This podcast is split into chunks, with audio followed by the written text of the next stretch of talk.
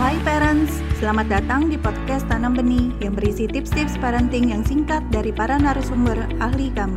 Untuk mendapatkan tips-tips terbaru kami, follow podcast Tanam Benih. Yuk kita dengarkan bersama.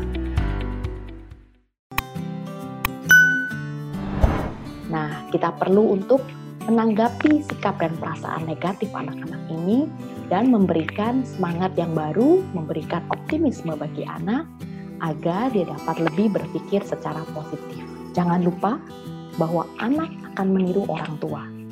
Jadi, apabila kita sebagai orang tua tetap dapat bersikap optimis dan positif, secara langsung anak juga pasti akan dapat bersikap optimis dan positif meskipun ia tetap harus tinggal di rumah.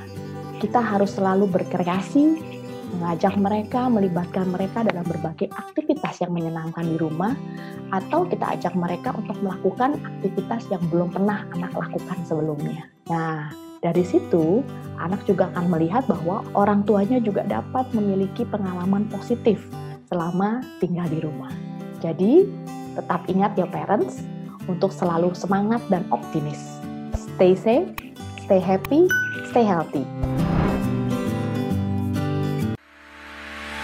Terima kasih telah mendengarkan podcast Tanam Benih. Jangan lupa follow podcast Tanam Benih. Tidak pernah ada kata terlambat loh untuk belajar.